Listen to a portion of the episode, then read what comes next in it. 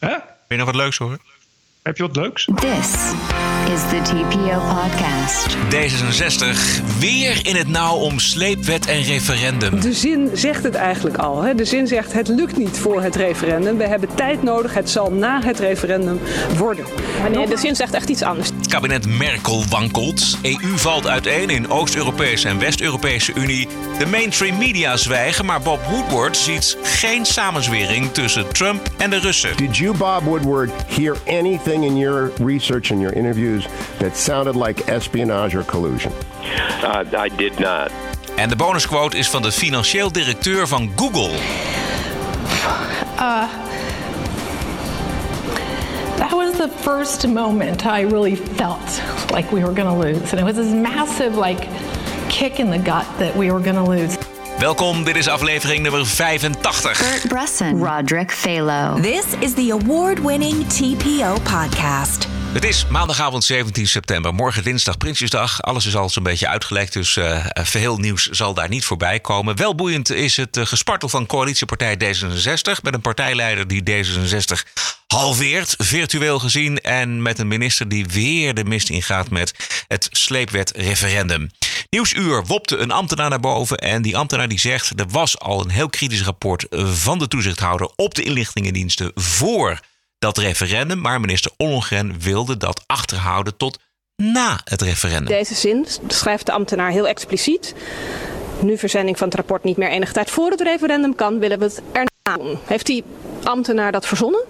Nou ja, kijk, de, de zin zegt het eigenlijk al. Hè? De zin zegt het lukt niet voor het referendum. We hebben tijd nodig. Het zal na het referendum worden. Maar nee, de zin zegt echt iets anders. Die zegt nu het niet meer ruim voor het referendum kan, willen we het erna ja, maar omdat die tijd nodig was om met andere landen te overleggen, omdat het ook over hun dienst en hun toezicht ging. Ja, mooi uh, werk van Nieuwsuur. Als de burger in een referendum of tijdens verkiezingen om hun oordeel wordt gevraagd, Bert, dan kunnen ze alleen een goed oordeel vellen als alle informatie aanwezig is. En de minister heeft dit rapport dus achtergehouden voor ons. Ja, nou, je verwacht het niet. Het is een D66-minister die iets achterhoudt bij een referendum. Het Ja. is uh, eigenlijk ja, het, het, is allemaal het is een mooie puzzel die langzaamaan in elkaar uh, wordt gedrukt. Bovendien, uh, dat hoorde je in die nieuwsuur uh, mevrouw net ook zeggen, als dat is is dat niet helemaal. Wat, wat, hoe hoe uh, Ollongren reageert klopt niet helemaal. Uh, het, ze heeft er zelf voor gezorgd dat het dus dan inderdaad over dat referendum werd getild. En dat had volgens mij ook te maken met, uh, met, met de, de bepaalde datum van het referendum. Waardoor het uiteindelijk wel had gekund. En daar heeft ze zelf nog voor gezorgd dat het niet gebeurde. Dus zij is er zelf veel meer bij betrokken dan dat ze dat zo laat weten. Volgens mij. Ah. Ik weet, weet, jij, weet jij dat toevallig, hoe, de, hoe het exact zit? Want dat las ik laatst, maar ik ben het even kwijt. Nou ja, kijk, waar er nu nog lucht tussen zit, is wat precies die, die ambtenaar heeft bedoeld. Kijk, hij heeft natuurlijk niet letterlijk gezegd van ja, uh, Ollongren heeft uh, het rapport achtergehouden. Uh, omdat ze niet wilde dat het rapport van invloed zou zijn op de keuze van de bevolking in dat referendum. Dat heeft hij niet gezegd. En zij speelt het nu op. Ja, wacht even.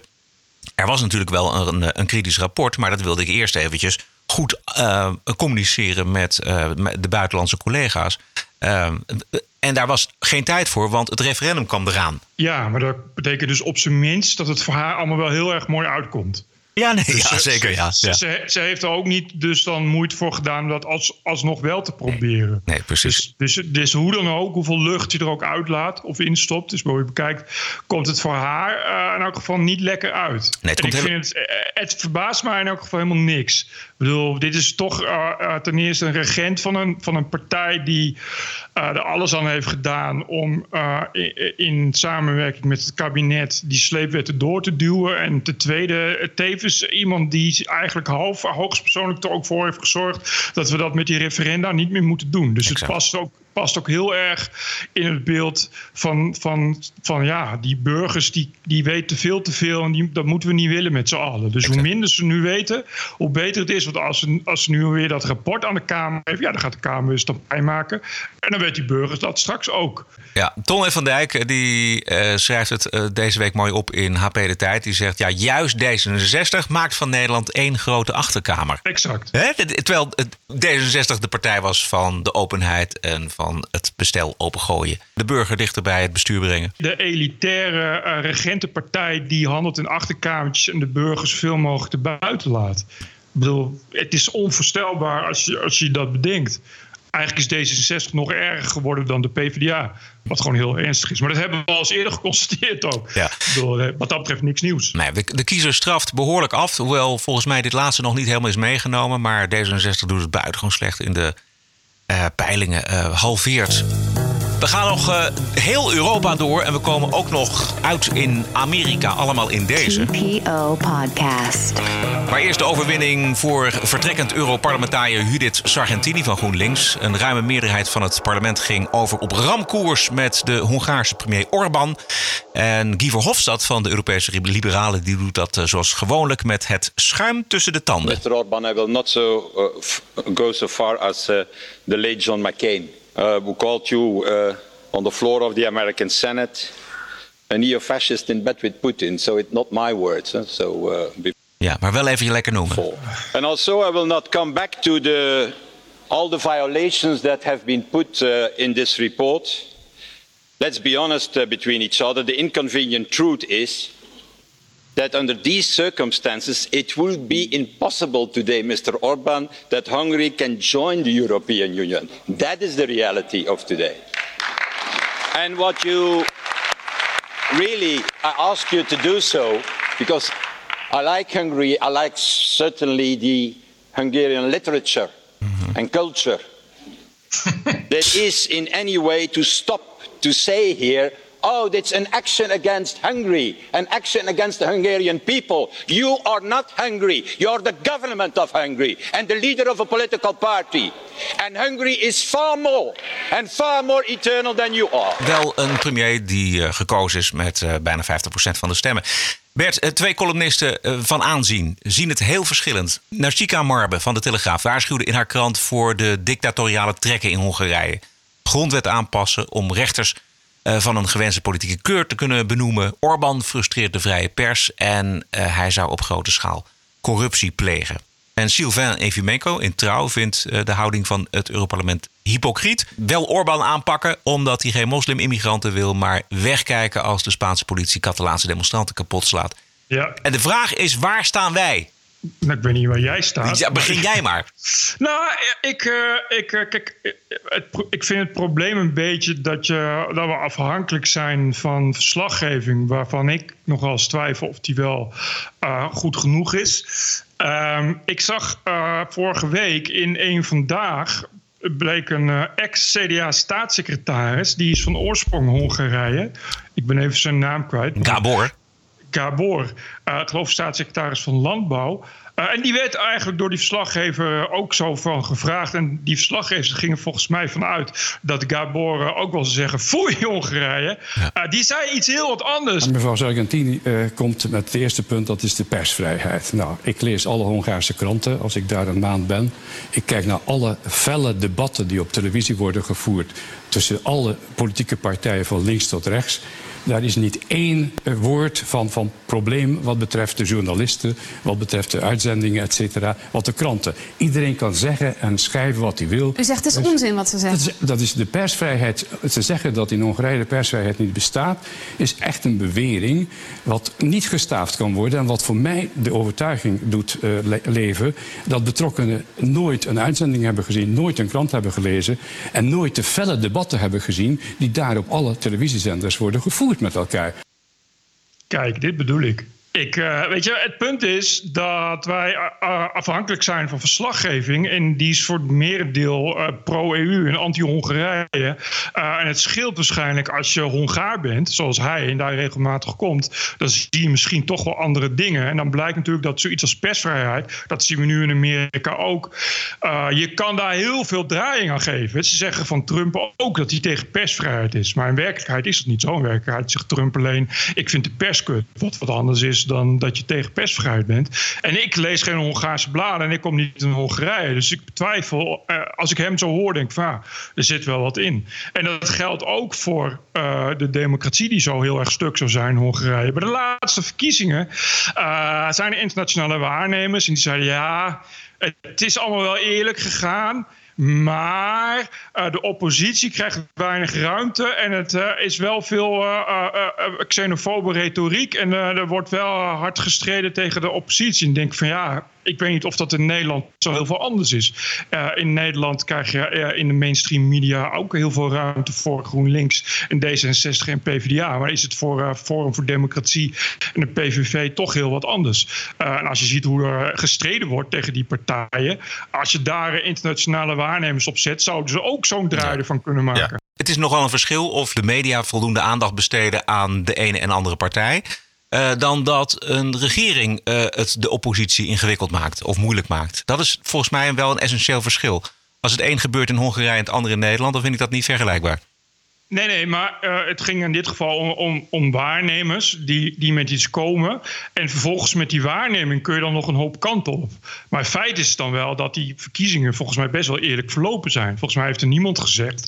Van, er werd niemand gedwongen om op iets te kiezen. Of geïntimideerd of bedreigd of weet ik veel wat. Dus ik zie niet helemaal hoe dan precies. En zo wordt het nu wel gespeeld. Van ja, uh, uh, Orbán is dan wel eerlijk gekozen, maar het is niet helemaal democratie. Terwijl ik denk van ja, hoezo is het niet helemaal democratie? Ik, vind, ik zie een beetje hetzelfde als dat er met Trump gebeurt. Dan zeggen ze ineens ja, is dat, wel, is dat dan wel democratisch? Ja, volgens mij is dat gewoon democratisch. Volgens mij is er gewoon een meerderheid die eerlijk voor Orbán heeft gekozen. Maar ja, nee, dat geloof ik ook wel. Uh, maar vervolgens moet je ook kijken natuurlijk wat Orbán met die meerderheid doet.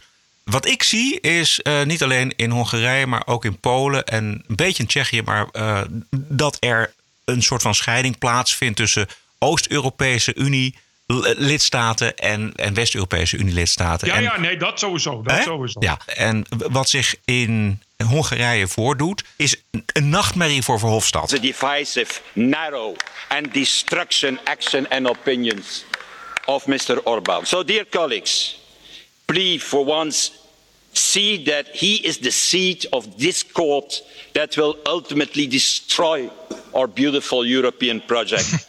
and please, together with us, stop this nightmare. Ja, ramkoers ja. dus. Ja, dit is dus wat Sylvain Infomenko schreef. Dit is een, een ideologische strafexpeditie tegen Hongarije. En, en waarom? Dus inderdaad omdat ze de verkeerde normen en waarden aanhangen. Ja. ja dit is, dit is uh, inderdaad het tegenovergestelde wat onze fijne Vlaamse liberale vriend altijd voor zich zag. Het is eigenlijk een soort van strafexpeditie van West-Europese uh, landen die uh, ja. balen van het feit dat Hongarije geen migranten wil opnemen. Althans, geen, niet, geen migranten uit, geen moslimmigranten. En dit is een soort, nou, dit is, dit is toch de straf die, die het Europarlement voor zich heeft gezien. Of dat helemaal klopt, weet ik niet, maar het heeft wel een beetje de schijn van. Het, en wat ik vooral zie, is, is ook de onverzoenlijkheid van West-Europese landen richting Polen, richting Juist, uh, Hongarije. Juist. En ik vraag me werkelijk af hoe hè, de grote idealisten van de Europese Unie, à la Verhofstadt, denken deze Unie bij elkaar te houden. Ja, ik, en, en, en wat, vooral de onverzoenlijkheid vind ik interessant.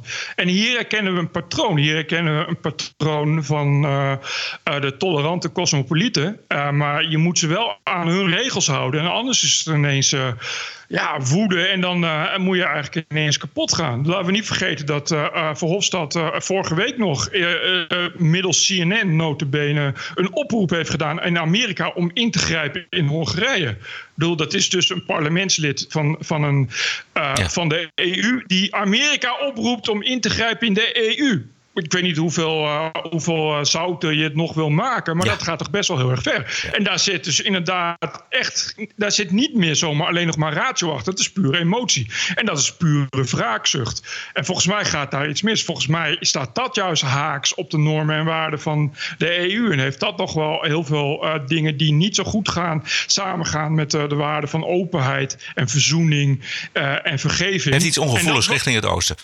Ja, en het ja. wordt wel op een rare manier gespeeld. En dat vind ik, dat vind ik tragisch. Ik las vandaag, dat is uh, volgens mij een dag oud interview, een soort jubelinterview ook van de Volkskrant met Judith Sargentini. Sargentini is nu een grote held, omdat ze eindelijk Hongarije heeft verslagen.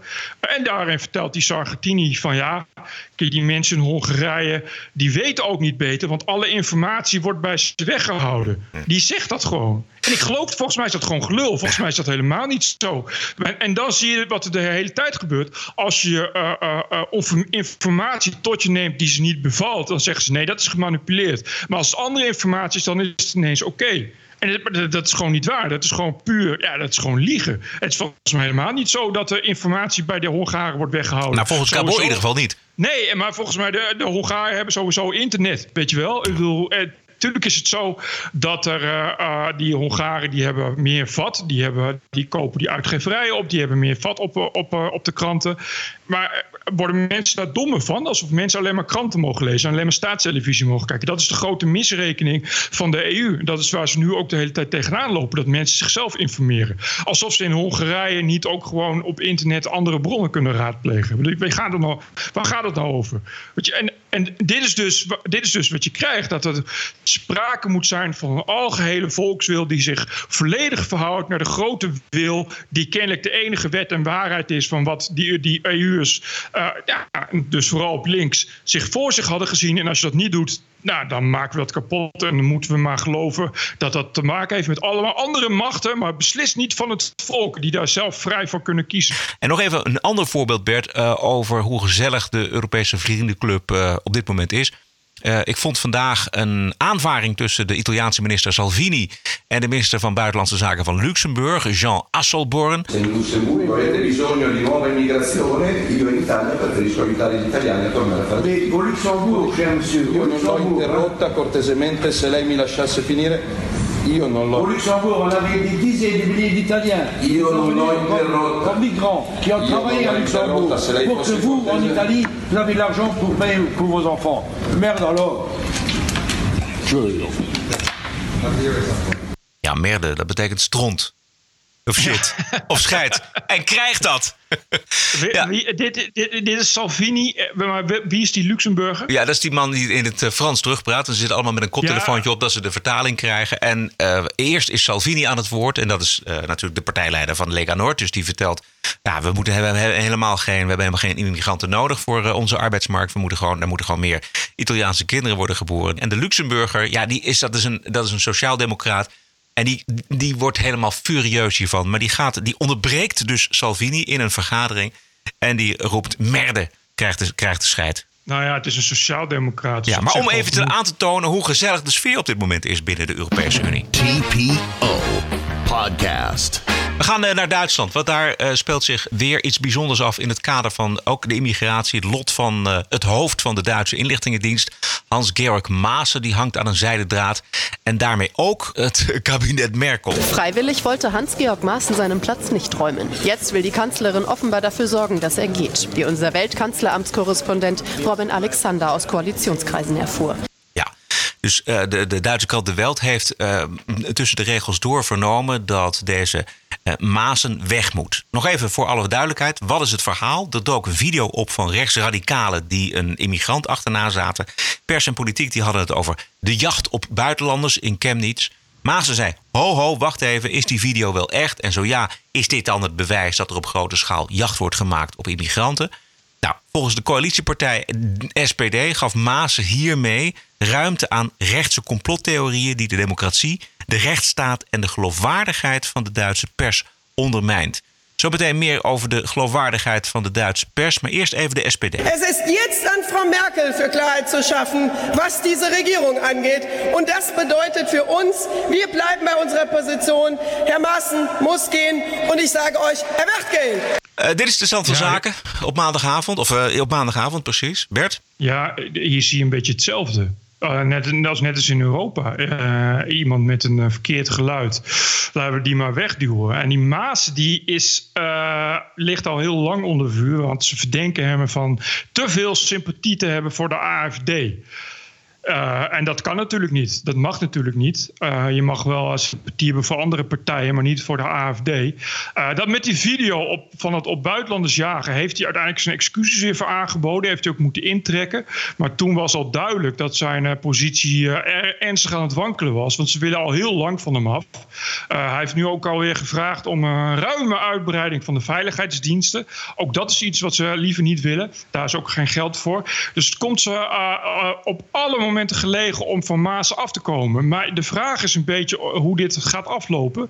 Want uh, wat ik zeg, het is, lijkt een beetje op wat we net zagen. Het is een, uh, een steeds groter wordende clash tussen twee uh, tussen twee krachten. Uh, Maasen, je hoort het de SPD net ook zeggen, daar wordt van beschuldigd van ja, dit zijn complottheorieën, die kunnen we nu niet gebruiken. Maar het is maar de vraag of dat zo is. Het is maar de vraag of dat allemaal waar is. Want wat ik de laatste dagen aan nieuws uit Duitsland zie binnenkomen, kost het mij moeite om daar nog zeg maar de waarheid uit te vissen. Dat is precies wat Maasen heeft benoemd, is dat nu ook sprake is of sprake van lijkt te zijn dat er ook bewust propaganda wordt gemaakt. En eerst was het alleen een eenzijdige pers, een niet-objectieve pers, uh, uh, slechte journalistiek, eenzijdige journalistiek, te weinig kritische journalistiek mm -hmm. naar, naar het beleid van Merkel. Wat we nu ineens ook gaan zien, is dat de dingen bewust worden gemanipuleerd. Dus bewust desinformatie uh, geprobeerd wordt te verspreiden. Ook weer aan beide kanten overigens. Zowel link als aan link als aan rechterkant. Uh, we hebben bijvoorbeeld uh, enige tijd geleden zou er in Chemnitz uh, ik geloof dat het een Joods restaurant of een Joodse ja. slager of een Joodse bakker. Ja. Uh, uh, ja, die was belaagd en zijn, en zijn ding in elkaar geslagen. Daar werd meteen gezegd: ja, hij is schuld van extreem rechts, want antisemitisch. Terwijl degenen die dat hadden gedaan, daarvan is niet bekend wie dat zijn. En die hadden, waren gekleed in het zwart en die waren gemaskerd. Ja. Opvallend is dat bij alle aanslagen door, door, door neonazies in het voormalig Oost-Duitsland, ze dat altijd nogal onder open vizier doen. Namelijk, ze willen namelijk graag ook dat mensen weten dat zij dat zijn. En ik dacht meteen, goh, dit lijkt veel meer op uh, Antifa, die, uh, uh, die een, een, aanslag in scène zetten ja, ja. en daarbij roepen. alle Joden moeten weg in de hoop, want dat leeft natuurlijk ook veel beter, in de hoop dat het overslaat op dat er dan weer wordt gezegd rechts, dan dat dat inderdaad ook neonazies zijn. Okay, daar is helemaal geen bewijs voor. Als je nu hoort hoe Merkel en de SPD zeggen van ja, wat die Maas doet is complottheorieën verspreiden, denk ik van nou, volgens mij wat die Maas doet is genuanceerder bezig zijn dan jullie graag zouden willen. Precies, en even pas op de plaats, klopt het wel wat we zien? Exact, en daar wordt het best wel gevaarlijk. Als je hem daarvoor eruit duwt, is het volgens mij vooral meer nog een lont in het kruidvat duwen. Want laten we niet vergeten dat ook de afgelopen dagen weer veel mensen hebben gedemonstreerd. Zowel voor als tegen uh, het vluchtelingenbeleid van Merkel uh, en tegen de multiculturele samenleving. Het begint toch een. Uh, ja, veenbrand te worden die ja. langzaamaan hard doorgloeit. en daar helpen dit soort dingen gaan daar niet echt bij helpen. Zometeen gaan wij kijken naar de Nationale Gelijkheid Awards. Ja, die zijn er zeker. TPO Podcast. Maar eerst Amerika. Afgelopen vrijdag een interview met journalist Bob Woodward uh, op de Amerikaanse radio. De syndicated show van Hugh Hewitt. Keurige grijze man, die ook wel eens te zien is op televisie bij uh, MSNBC. Uh, heeft Woodward aan de telefoon en er volgt een vraag natuurlijk. Did you, Bob Woodward, hear anything in your research and your interviews that sounded like espionage or collusion? Uh, I did not, and uh, of course I, I looked for it, looked for it hard, and uh, so you know there we are. We're we're going to see what Mueller has, and Dowd may be right. He has something that Dowd and the president don't know about a secret witness or somebody who has uh, changed their testimony, as you know, that often happens, and that can break open or turn a case. But you've seen no collusion. I have not. Ja, Dowd is uh, John Dowd, is de voormalige advocaat van Trump. Daar uh, kom ik zo nog uh, op terug. Maar Woodward heeft het Witte Huis zo'n beetje meerdere keren binnenste buiten gekeerd. en niets gevonden dat wijst op richting van een samenzwering met de Russen. En Mueller, die is al twee jaar bezig en heeft ook niets gevonden met de betrekking tot de, de Rusland-connectie. Althans, niet dat wij weten. alleen een, een zwaar frauderende campagnemedewerker Manafort en een betaling aan een pornoster. Dus Bert, het lijkt er wel heel erg sterk op. Er is nooit sprake geweest van samenzwering. Nou, precies wat we verwachten. Ja, precies wat we altijd hebben geroepen. Ja. Volgens mij was er ook nog iemand, was dat niet een ex-FBI-medewerker, die ook al zei: van er was al geen bewijs voor collusion toen, toen Muller. Dat is de voorganger van Muller, volgens mij. Uh, die zei: uh, uh, er was al geen bewijs toen Muller met dat onderzoek begon. En dat, en dat het inderdaad, het is gewoon gepusht, want we willen inderdaad Trump niet. Dus we gaan er alles aan doen om dat tegen te werken. Maar het moet toch wel heel pijnlijk zijn voor de Democraten dat nou uitgerekend Woodward hiermee komt. Wat blijkt, is dat er heel veel uh, nieuws in dat, of best wel veel nieuws in dat, in dat boek zit. Uh, maar dat de media zich volledig concentreren op uh, de chaos die zou plaatsvinden in uh, het mhm. Witte Huis. Verder niks. Maar er, er, staat veel meer in het boek. Luister maar. So much has not been reported about fear. I want to tell you the most surprising thing. Page 132, quote, Russia had privately warned Mattis, the Secretary of Defense, that if there was a war in the Baltics, Russia would not hesitate to use tactical nuclear weapons against NATO. All right, Bob Woodward, that's a headline. Has anyone picked up on that? Uh, they have not.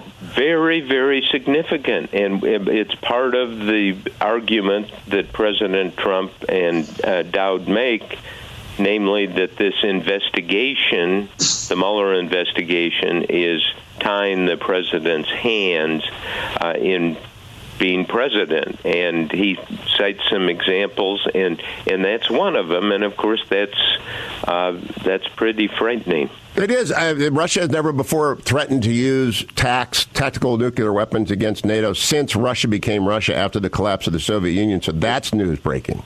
Uh, yeah, uh, that's a great question. I don't know whether this was the only time, but this time it did happen, and, and of course the Secretary of Defense uh, was mightily concerned. Another headline not reported John Brennan, former CIA director, vociferous critic of President Trump, wanted to assassinate Kim Jong un in a way that didn't look like an assassination. You called it not regime change, but man change. Again, I don't see anyone else who's covered that.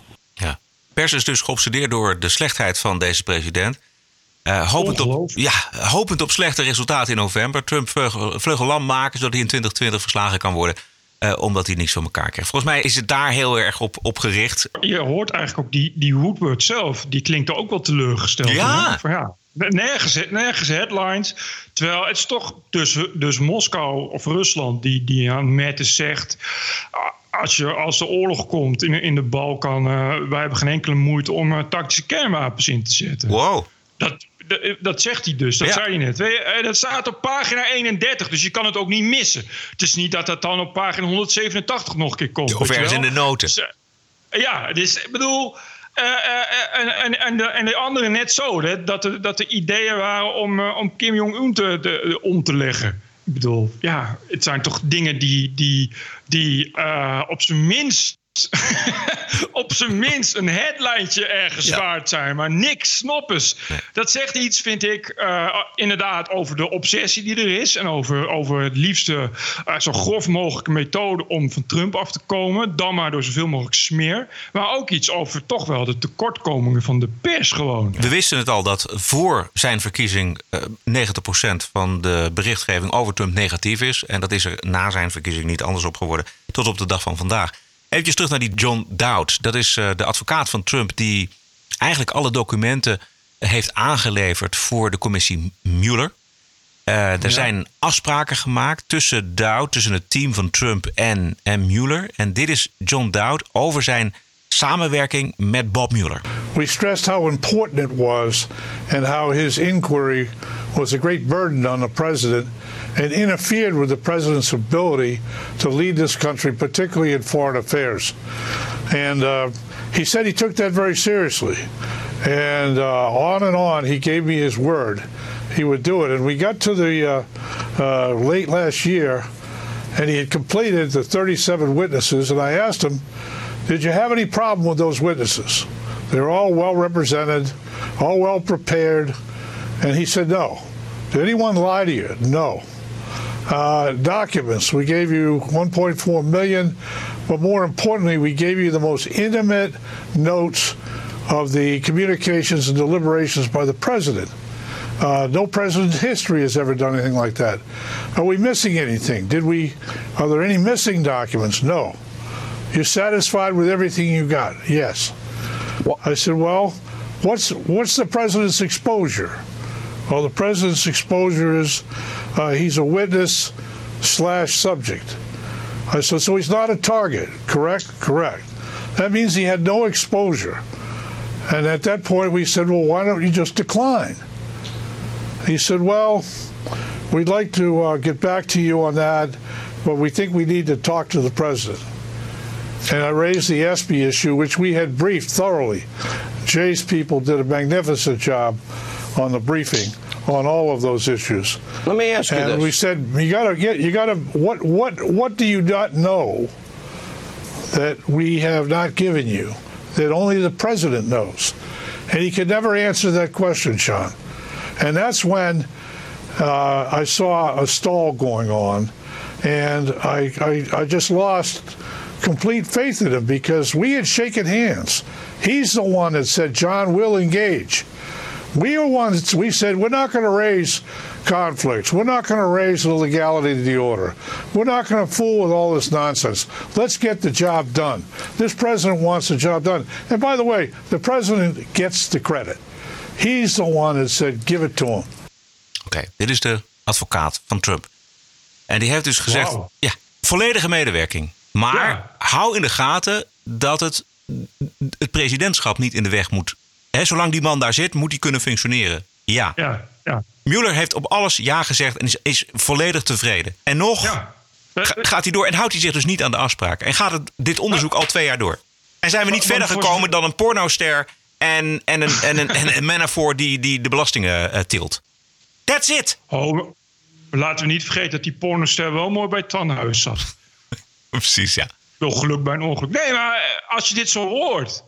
Ik, ik, ik weet niet of ik het goed interpreteer, maar dit is, dit is eigenlijk eh, dat iemand zegt: Je hebt echt de onderste steen boven gekeerd, eh, onder, eh, ondergehaald, alles omgekeerd. En dus unprecedented voor een president. Nog nooit iemand die zoveel, zo makkelijk meewerkt. Ja. Deze president moet wel functioneren. Moet wel zijn werk kunnen doen. Dus, dus get the job done. Dat is wat ze zeggen. Yes, heeft Mueller gezegd. We doen het. Niet dus. Ja, nee, geen, geen probleem. geen probleem. Ga ik allemaal voor je regelen. Ja, het is. Maar eh, hoe staat het nu? Want dat is nu toch wel weer sprake dat Muller nu toch iets zou hebben? Of, of, of heb ik dat even gemist? Want eh, waar, zit hij, waar is hij nu nog mee bezig, Muller? Ik weet het niet. Iedereen wacht op, op de collusion. Iedereen wacht tot, tot hij met bewijzen naar buiten komt en zegt van nou kijk eens eventjes, eh, er is wel degelijk gewerkt tussen het Trump-team en, en de Russen. En, en Trump heeft daarvan geweten. Dus eh, laten, we, te- laten we beginnen met de afzettingsprocedure. Maar daar komt hij niet mee. Ja, eh, nee, want eh, er is niemand die. Maar, eh, Cohen dan? Die, die, zou toch, die zou toch ook nog gaan getuigen? Dat die, of, Cohen? Of, of, Nee, ja. ja. die gaat getuigen, maar dat gaat dan over, over iets anders. Het gaat dan over de betalingen die gedaan zijn aan die, aan die pornoster. Dat, oh ja, nee, maar die had niks op Russen. Hè? Die Nee. had niks over collusion. Nee. Maar goed, de- dus na, na meer dan twee jaar is er nog helemaal geen, geen splinter die ook maar in de richting van collusion met de Russen wijst, zal ik maar zeggen. Nee. TPO Podcast. De Oscars, de Golden Globes, de Gouden Kalveren, de Online Radio Awards. Al deze prijzen die vallen in een groot zwart gat. eh, verdwijnen als sneeuw voor de zon. Want er blijken in Amerika uitgeraakt te worden de National Equality Awards. En over eh, gelijkheid gesproken, Amazon-baas Jeff Bezos die won de prijs vorig jaar. Bezos is goed voor 100 miljard dollar. Die heeft nog wel 100 miljard dollar te gaan voor een beetje gelijkheid. En dit weekend was de eer aan filmster Anne Hathaway. Hou je vast! I don't know that I want to make pithy jokes tonight. I um thank you. Thank you so much for having me here. I really needed this.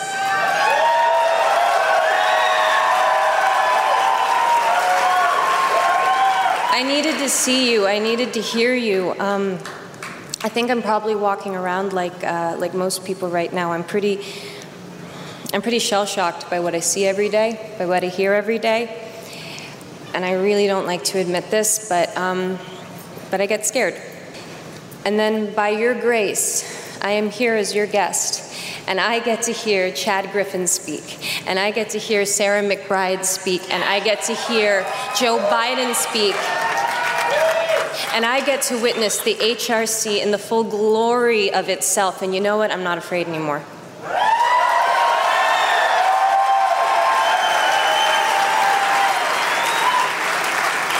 Dit You is guys just gave me my heart back. Thank you so much.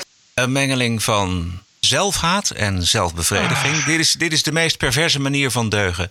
Dit is openbare zelfbevrediging. Het is wel echt heel sneu. Het wordt wel steeds sneuwer ook. Maar je kunt er ook eh, naar luisteren alsof het cabaret is. The path to freedom, to equality lifts humanity into its fullest expression of us, period. Ja, ik. eh, het, is, het is echt acteurs sowieso. Weet je, eh, dit is een Hollywood-actrice. Eh, ik geloof een van de best betaalde ook weer op dit moment. En het is.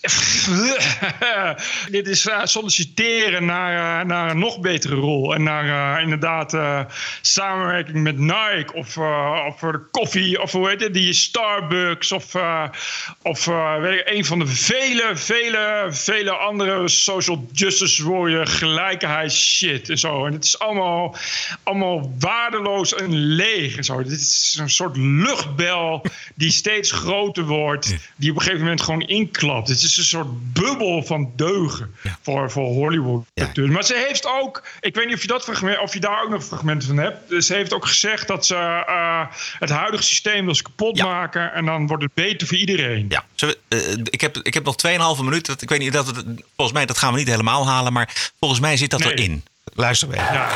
The fun. I love the dignity accompanies self acceptance and the way our collective humanity gets expanded when one wrongfully marginalized community says, We are human beings. There is enough room here for all of us, period. This declaration that one's worth is not affected by one's sexual orientation or gender is a trailblazing concept that lifts humanity into its fullest expression of itself. This is the declaration that precipitates deep, lasting change. This change, once embraced, will make us free. I hope. En boven te I hope. I really hope, you guys. But the path to freedom, hmm. to equality, is currently being blocked by a big, heavy, almost invisible lie. The lie is not about whether we are equal, the lie is about whether our opportunities are.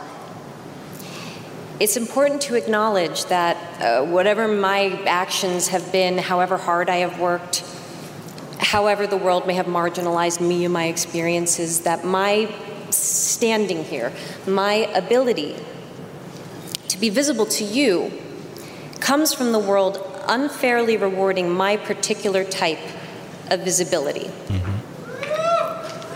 It is important to acknowledge that, with the exception of being a cisgender male, everything about how I ah. was born has put me at the current center of a damaging and widely accepted myth.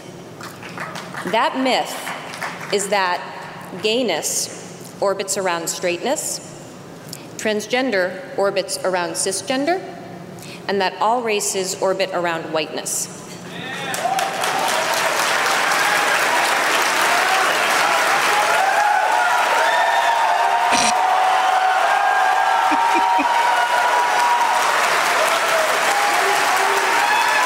Zeg het. This myth is wrong. Ja, dat is het. Dat is hem. Al dus eh, een, een, een, een, een witte heteroseksuele eh, actrice die eh, haar honderden miljoenen reeds binnen heeft. Het is zo gemakzuchtig en, en laf allemaal. Maar na die, hon- na die honderden miljoenen... het minste wat je kunt doen is je verontschuldigen voor je witte Ja, ik vind dat is heel dapper. Dat Zeker vind ik heel dit publiek. Ja.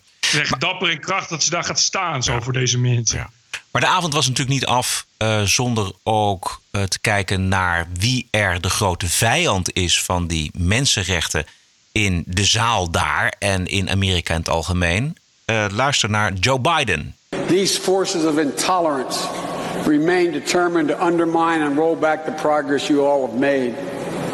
And this time, they, not you, have an ally in the White House. This time, they have an ally. And instead of using the full might of the executive branch to secure justice, dignity, safety for all, the president uses the White House as a literal, literal bully pulpit, callously, callously exerting his power over those who have little or none. De mensen in de zaal die, uh, kregen wel waar voor hun geld. Want dit is precies wat ze wilden horen natuurlijk. En die, en die mensen zitten daar en die slikken dat als zoete koek. Als, als zeehonden gaan ze daar zitten klappen. Nou ja, niet, niet alleen als zoete koek, Bert. Maar dit is, dit is, die, die speeches die zijn geschreven. Ik, volgens mij heeft Anne Hathaway deze speech ook helemaal niet zelf geschreven. Die heeft het een paar keer gewoon nee, geoefend. Dus die, hè, helemaal niet. Dus die, die, die speeches die worden... Exact, ja precies. Maar die speeches die worden helemaal geschreven voor deze, voor deze zaal. En uh, uh, vandaar dat de zaal in extase geraakt is uh, tijdens die avond. Ik heb er lang over nagedacht hoe, waarom ik het nou zo verschrikkelijk vind. Waarom kun je dit bijna niet aanhoren? Wat is, wat, is, wat is de kern van wat er niet deugt aan deze speeches?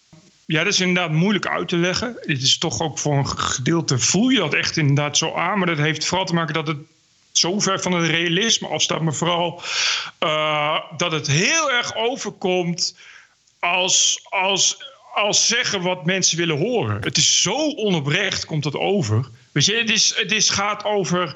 Uh, ja, wat, wat, en dit, zo gaat de hele tijd. Wat zeggen ze? We zijn tegen ongelijkheid. Ja, dat is denk ik iedereen wel. Ja. Uh, en we, we, zijn tegen het marginaliseren van, van gays en weet ik wat. Ja, dat, dat, er is niemand die zegt: Oh, goed dat we, dat we gays marginaliseren. Uh, we zijn tegen discriminatie. Het is niet waar. Weet je, het, het, zijn allemaal van die dingen waarvan die, die ja, het is allemaal geëikt. Weet je, dat, het is precies hetzelfde als een geel polsbandje dragen tegen kanker. Ik had nog nooit iemand gehoord die zei, ik ben voor kanker. Ja. Stomme polsbandjes, hup, kanker. Niemand die dat vindt. Het is alleen bij kanker zo dat je dat niet zomaar kunt bestrijden. Het is hetzelfde bij ongelijkheid. Het is discriminatie. Je, je, je kan wel de hele tijd zeggen dat je daar tegen bent. Uh, en dat je, daar, uh, dat je dat allemaal anders wil. En dat het uh, paradijselijker moet. En dat we onze droom moeten volgen. En ja, het zijn allemaal platitudes. Ja, dus niks wat, uit te halen. Ja, dus wat doen deze mensen? Wat doet die Anne Hathaway? Ja, niks, acteren. dat, het, het, maar het zichzelf verrijken op dit soort dingen, dat is wat die mensen doen. Ja. Kijk eens hoe groot en goed ik ben. Kijk eens hoe, hoe mooi ik het met jullie eens ben. Hoe ik voor jullie opkom. Hoe ik, uh, hoe ik uh, iets wil wat jullie ook allemaal ja. willen. En hoe, hoe, hoe, hoe ik, aan de goede kant sta. Deug. Ja, dat. Het is alleen maar eten leren hoe goed ik ben. Ja. Hoe ik aan de goede kant sta. Ja, daarom zeg ik dat is een zelfbevrediging. En de zelfhaat zit hem in, in dat ze zich excuseert voor haar huidskleur en voor haar opleiding en voor haar kansen. Ja, dat is on, en, dat is, en dat is natuurlijk gewoon hypocriet. Ja. Weet je, de, de, de, ze heeft inderdaad heel veel te danken aan het feit dat ze er zo uitziet. En dat, dat is ook zoiets, dat hoorden ook altijd al die dat soort filmsterren zeggen. Dat zijn natuurlijk allemaal unieke, knappe mensen. Weet je, dus de kans dat jij uh, een filmster wordt, niet jij, maar iedereen, is zeg maar 1 op 100 miljoen. Ja. Zeg maar, je hebt, dan, je hebt nou maar net al die talenten moet je bij elkaar hebben. En daar hoort dus ook bij dat je, dat je uitzonderlijk knap bent. Nou ja, misschien zit het, maar goed. Je begrijpt wat ik bedoel. Ja. Bij Anne Hathaway kan ik je vertellen dat dat vooral dat is. Ja. bedoel. Ja. En die, en die zeggen, oh ja, iedereen moet de kansen, gelijkheid. En ik, ja, bullshit. Precies, ze weten gewoon Precies. dat niemand die kansen krijgt, behalve zij en een clubje inderdaad. Ze weet zelf waar, zij, waar, ze al haar, waar ze alles aan heeft te danken, is toevallig op het juiste moment geboren zijn in het juiste nest, met de juiste uiterlijkheden en met de juiste contacten, et cetera, et cetera, et cetera. Weet je wel? En dat zijn dan mensen die zeggen: ja, we moeten dat gaan bestrijden, we moeten dat gelijker maken. Terwijl als ze dat echt zo willen, echt zo is, dan zouden ze eigenlijk het gras voor hun eigen voeten wegmaaien. Maar dat, dat maakt dus voor hun niet meer uit, want ze zijn al binnen. Ze hebben dat zelf al gedaan. En dan ineens kunnen we inderdaad gaan zeggen. Maar denk maar niet dat ze dit, uh, ja, dat meisje is nog geen 30, dat ze dit 30 jaar geleden had willen zeggen. Want dan had ze haar kans voorbij gegaan. Ja. Hetzelfde geldt voor Jeff Bezos, die vorig jaar dan de, deze prijs won. Jeff Bezos is de eerste ondernemer die boven de 100 miljard gaat. Nou, als je, als je in een egalitaire samenleving leeft, dan zal Jeff Bezos het niet lukken om uh, ook maar 100 miljoen te verdienen.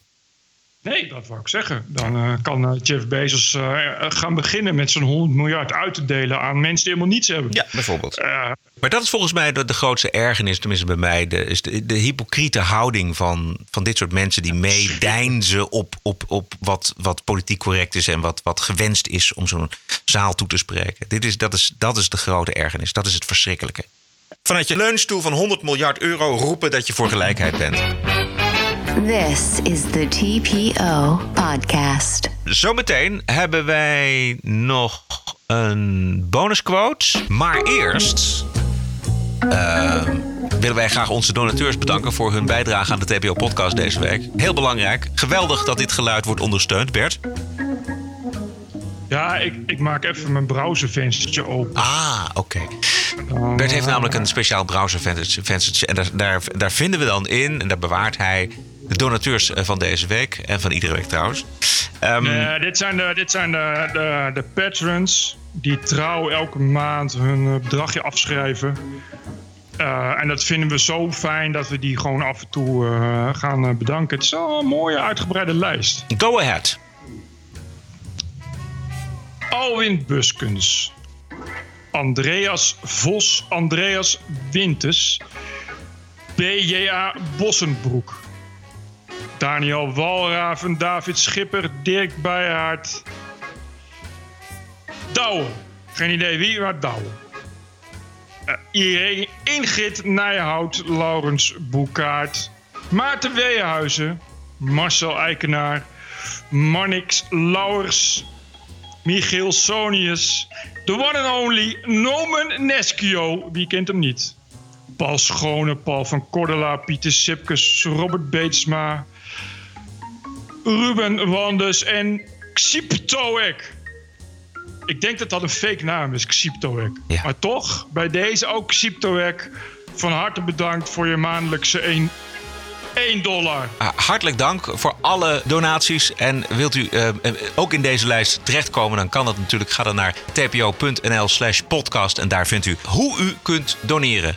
En hoe u doneren kunt leren. TPO Podcast. Dan de bonusquote. Die is van de financieel directeur van Google. En haar naam is Ruth Porat. Uh, haar gedrag ging viral deze week nadat uh, Breitbart het filmpje online had gezet.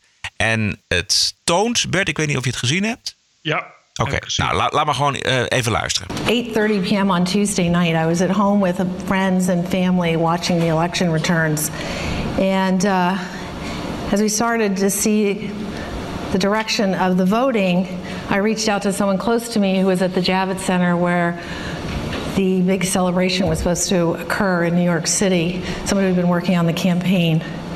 And um, I just sent him a note and said, you know, are you okay? It looks like it's going the wrong way. And I got back a very sad, short text um, that read, people are leaving, staff is crying, we're going to lose. Uh, that was the first moment I really felt like we were going to lose. And it was this massive, like, kick in the gut that we were going to lose. Waarom moet je lachen, Bert? Omdat het, dit veel... Ja, het is... Het is ah, het, ja, hetzelfde lakende pak het, eigenlijk. Ja. Ze gaat nu nog huilen. Ja. Weet je, dit is toch... Dit filmpje is vrij recent, toch? Niet, het is niet uit 2016. Ja, het, het, het, maakt niet zo heel erg veel uit. Het zou uit, de, de, vlak na zijn uh, oh. overwinning kunnen zijn, maar als het een jaar daarna is, is het ook erg. Kijk, ja, dit, is, dit, dit, is, dit is een van de hoogste bazen van Google. Voor een nee, zaal ja, vol medewerkers van Google. Huilend over de uitslag van de verkiezingen. Is dit een kind? Is dit iemand die niet weet hoe de Amerikaanse democratie werkt? Of is ze krankzinnig? In exact. deze huilbui zit het anti-Trump-kamp al twee jaar. Ja, maar dit is dus de baas van Google. En dit is dus het bedrijf wat we moeten vertrouwen. zonder dat we inzicht krijgen in de manieren waarop. Dat ze niet aan biased verslaggeving doen. Of in elk geval niet uh, de ene boven de andere uh, laten prevaleren. En ditzelfde Google komt dus niet naar een, een hoorzitting van het congres. waar Facebook en Twitter wel komen. En dat is dus dit Google. En als ja. je het hele filmpje kijkt, dat zit helemaal vol met, met bazen van Google. die allemaal precies hetzelfde doen en nog erger. Die, die zeggen van. Uh, we gaan ervoor zorgen dat dit wordt rechtgezet. We, moeten, dit, we moeten dit voorkomen. Moeten, uh, de, de, whole, whole shebang, wat we inmiddels al zo lang kennen van, van de social justice warrior retoriek ten opzichte van Trump, komt langs. Dit is dus Google. Dit is dus het bedrijf waar we blind op moeten vertrouwen. Het machtigste bedrijf op aarde. Die volledig onze informatie, digitale informatievoorziening, volledig in bezit heeft. Wordt dus bestuurd door deze mensen. En niet alleen bestuurd door deze mensen. De meerderheid van de medewerkers doet zo. Die zitten daar ook tussen, namelijk. Die, die, de, de- het is een eh, filmpje van een. eh, ze hebben daar elke week op donderdag een eh, vrij Mibo. Zeg maar, dan, dan gebeurt dus dit. En, nou, dat wordt, het wordt dan gefilmd op de een of andere manier. En, en dat is de bedoeling, uiteraard, dat het niet wordt doorgestuurd. Is natuurlijk wel gebeurd. Ik geloof dat ze nu ook verboden hebben om het nog voortaan te filmen. En je ziet ook in de zaal gaan mensen die stellen ook vragen. En er zitten ook mensen die inderdaad huilend zeggen dat ze een witte privilege willen opgeven. En dat soort onzin en zo. Het is onvoorstelbaar wat je allemaal ziet. En, en, en, en, eh, wat ook opvallend was, is de, Breitbart had scoop. Hè? Ze Ja. hebben dit, eh, Breitbart, eh, iemand bij Google heeft het doorgespeeld aan Breitbart. En het is door de mainstream media zoveel mogelijk genegeerd. En dat is een, een andere schande. Ze hebben daar heel, heel lang over gedaan eh, om het alsnog te brengen. En toen ze het hebben gebracht, hebben ze het toch weer gebracht op een manier waarop ze een soort draai aan konden geven. Al was het maar door te zeggen van ja, maar hij is gebracht door Breitbart. Dus laten we het maar met een korreltje zout nemen. Hoe precies wil je een filmpje van Google met een korreltje zout nemen? Het is namelijk gewoon één op één een video. Weet je, daar hoef je niks met een korreltje zout te nemen. Het heeft helemaal niks met Breitbart te maken. Ja, en het is. Eh, ik las dat toch nog eh, weer ook mensen binnen de regering hebben gezegd van ja, we moeten toch misschien toch nog iets strenger gaan worden op Google. Misschien moeten we daar toch eens een onderzoek naar starten. Ik geloof dat het inderdaad eh, vanuit justitie zelf kwam. Ja, dat, ze zeggen misschien moeten we toch eens een justitieel vooronderzoek starten naar, naar, naar, naar dit bedrijf. Precies, maar dat is het grote verhaal. Eh, en daar, dat past helemaal in de Twitter en in alle andere eh, te grote techbedrijven die natuurlijk vol zitten met, met dit soort CEO's en, en CFO's. Het kleine verhaal is natuurlijk het onvoorstelbare dat hier een vrouw staat, een intelligente vrouw, en die zich niet kan neerleggen bij een verkiezingsuitslag en, en voor een zaal vol medewerkers staat te janken. Het is echt. Het, wat ze doet is alsof ze vertelt haar verhaal hoe ze net haar man is verloren. Ja. zo komt het over. Het is ongelooflijk dat je in een democratie woont, in een vrije wereld. waarin iemand gewoon de verkiezingen wint. Je moet je voorstellen dat er verkiezingen zijn in Nederland en dat John de Mol bij Talpa gaat staan te janken omdat zijn partij niet gewonnen heeft. Ja, maar echt. Dat, zo, dat dus. Dat dus. Dat je, het is onvoorstelbaar dat, je, dat, je, dat het zo ver is. Het is een soort. eh, Het is een krankzinnigheid, Bert. We, we leven in een totaal krankzinnige tijd. Ja, het is echt breinrot. Die, die, die, die, die hier aan een echt brein aan het aantasten is. Eh, eh, eh, Ik, ik zat er ook. Ik, je, je weet gewoon niet wat je ziet. Het, is ook niet, het gaat ook niet mensen die zeggen van ja, ik vind het kut of zo. Het is echt een soort. eh, ja, ze doen het. Ze vinden ook echt een soort. alsof de derde wereldoorlog is begonnen. Een soort aanslag op, op alles wat ze tot nu toe kennen. Terwijl, eh, weet je, alsof daar ook eh, eh, geen, geen mogelijkheid meer is om daar nog, nog verder iets van te vinden. Alsof het nu helemaal voorbij is. Of zo. Oh, en het is gevaarlijk, want het is, het, het- dit zijn eh, allemaal mensen die zich dus in wat ik zeg niet kunnen neerleggen bij een verkiezingsuitslag. En we zien daar de extreme, de extreme vormen van in, bij Antifa, weet je wel. En de mensen zoals Christine Waters die roepen van this is not my president en het klopt niet. En mensen die eindeloos volhouden dat deze man dankzij de Russen aan, aan de macht is gekomen. Dus dit, dit, zijn, dit zijn antidemocratische krachten als je het zou willen omschrijven. Dan, dan deugt dit van geen kant natuurlijk. Antidemocratisch. Dat is heel gevaarlijk. Ja. En dat is dus het punt dat het Google is. Dat is dus, dus juist het grote product wat door het volk gebruikt wordt. En datzelfde volk mag dus nu gaan zien hoe, hoe Google dat dus rijk wordt van hun data. Van, hun, van, van de dingen die zij doen. Dus over de door hun gekozen president denkt. Maak een eh, grap of besteed er een zin aan dat jouw club niet gewonnen heeft. Maar ga niet staan janken. Nou, maar dat precies. Maar dat je ook niet, eh, kennelijk niet het zelfrespect hebt. Dat je denkt, ah, ik, ik, ik ben baas van het grootste bedrijf ter wereld. Dus ik ga niet aan plein publiek op een podium gaan zitten janken. Ja. Weet je, ik, eh, zelfs als je dat vindt.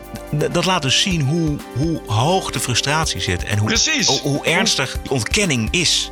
En dat Hoe zie je, dat dus is. Precies, en dat zie je bij CNN. Je ziet het eh, eh, bij die techbedrijven. Daar is helemaal geen enkel, geen enkel begrip meer. Ook geen respect voor. Nee. En dat is natuurlijk best wel gevaarlijk. Ja. Dit was aflevering nummer 85. Uh, reageren kan via info.tpo.nl. Ondersteunen kan ook. Elk bedrag is welkom. Financieren wij uh, de studio en de apparatuur van en zo. Ga naar tpo.nl slash podcast en daar vindt u de manieren om te doneren. Ik zou zeggen, heb een mooie week en tot de volgende. Ja, tot de volgende week. Tot de volgende week. TPO Podcast. Bert Bruson, Roderick Balo, Ranting and Reason.